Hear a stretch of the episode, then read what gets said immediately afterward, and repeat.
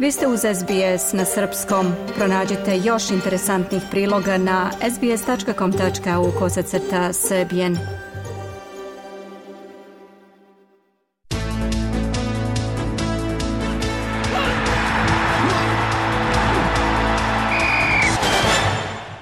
Futbaleri Melbourne Victoria preuzeli su lidersku poziciju u A ligi pošto su u derbiju osmog kola pobedili Sidney rezultatom 3-0.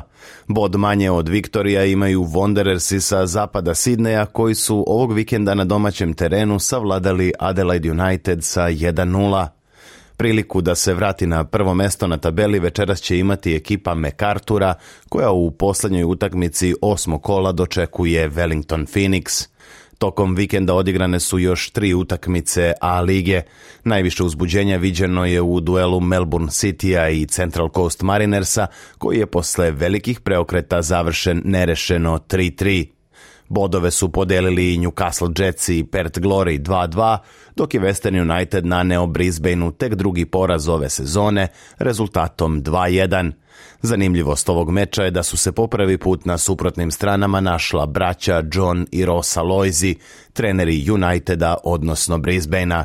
Pobedu je odneo mlađi i poznatiji brat John, iako je Rosa Loizi na početku ove sezone s Brisbaneom beležio daleko bolje rezultate. A ženska futbalska reprezentacija Australije završila je 2023. godinu na 12. mestu svetske FIFA rang liste.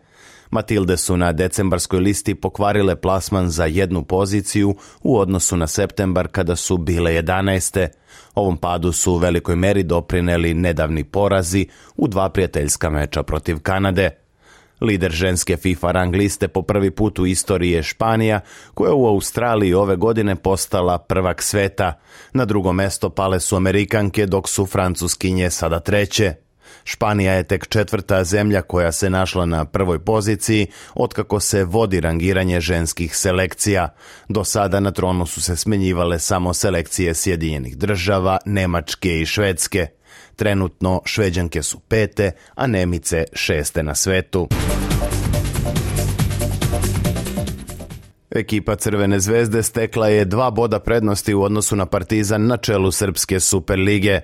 Futbalski šampion Srbije je u 19. kolu ubedljivo savladao Spartak u Subotici sa 4-1, a meč je obeležio mladi Jovan Mijatović. Zvezdin napadač je postao najmlađi igrač u istoriji kluba koji je uspeo da postigne hat-trick na zvaničnoj utakmici.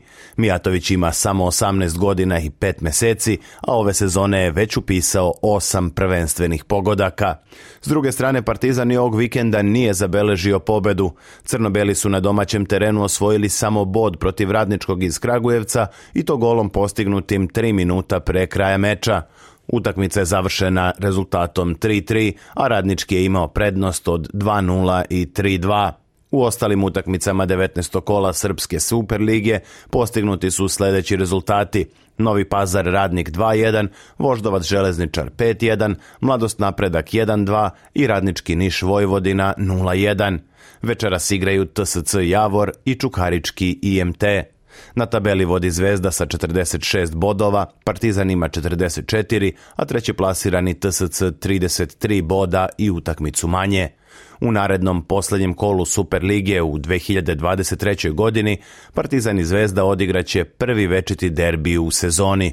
Utakmica se igra na stadionu Partizana u četvrtak 21. decembra u ranim jutarnjim satima po australijskom vremenu. Futbaleri Arsenala vratili su se na prvo mesto engleske premijer lige nakon što su u meču 17. kola savladali Brighton sa 2-0. Tim iz Londona tako je na najbolji način iskoristio nerešen rezultat u derbiju kola između Liverpoola i Manchester Uniteda koji su odigrali bez pogodaka 0-0. Samo bod u ovom kolu osvojio je i Manchester City. Aktuelni prvak Engleske odigrao je na domaćem terenu 2-2 protiv Crystal Palasa i sada se nalazi na četvrtom mestu sa četiri boda manje od treće plasirane Aston Ville.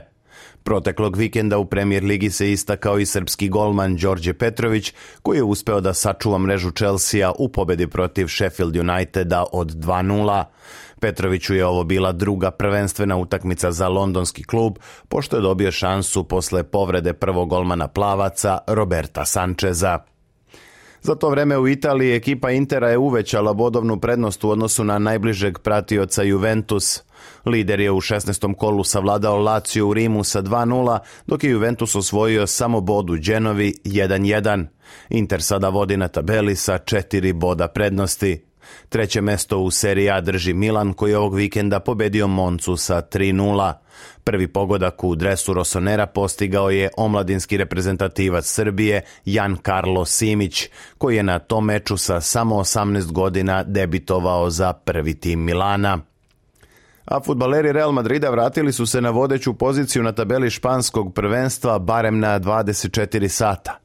Kraljevski klub je sa 4-1 savladao Villarreal i sada ima bod više, ali i utakmicu prednosti u odnosu na Gironu, koja večeras igra protiv Alavesa. Na tabeli iza vodećeg dvojca sve više zaostaju Barcelona i Atletico Madrid. Atletico je poražen ovog vikenda u Bilbao 2-0, dok je Barcelona osvojila bod u Valenciji 1-1. Muška vaterpolo reprezentacija Srbije počela je pripreme za predstojeće evropsko prvenstvo koje će se održati u Hrvatskoj početkom iduće godine. Delfini će od večeras do 21. decembra igrati na izuzetno jakom turniru u Budimpešti, gde će za rivale imati selekciju domaćina Mađarske, kao i Nemačke, Španije i Rumunije. Prvenstvo Evrope za vaterpoliste počinje 4. januara 2024. i trajaće do 16. januara. Ženska rukometna reprezentacija Francuske osvojila je titulu prvaka sveta pošto je u finalu šampionata u Danskoj pobedila selekciju Norveške 31-28. Francuskinje su tako objedinile svetsku krunu i olimpijsko zlato osvojeno na igrama u Tokiju. Bronzanu medalju na prvenstvu sveta osvojila je Danska koja je u meču za treće mesto savladala Švedsku 28-27. Dobar rezultat zabeležila je i selekcija Crne Gore, zauzevši sedmo mesto na svetu, pobedom protiv Češke 28-24. Selekcija Srbije takmičenje završila u drugoj grupnoj fazi kao posljednje plasirana ekipa u svojoj grupi. Košarkaši Crvene zvezde zabeležili su sedmu uzastopnu pobedu u Jadranskoj ligi pošto su sinoć u Podgorici savladali studentski centar rezultatom 91-77. Zvezda sada ima 11 pobeda iz 12 mečeva i ubedljivo je prva na tabeli sa po dve pobede više od najbližih pratilaca Partizana, Igokeje i Olimpije.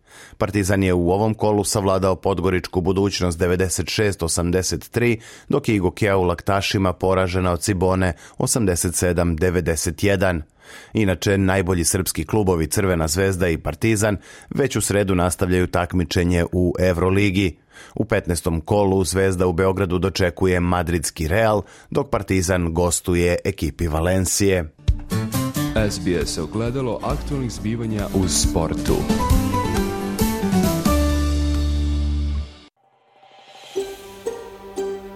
Želite da čujete još priča poput ove? Slušajte nas na Apple Podcast, Google Podcast, Spotify ili odakle god slušate podcast.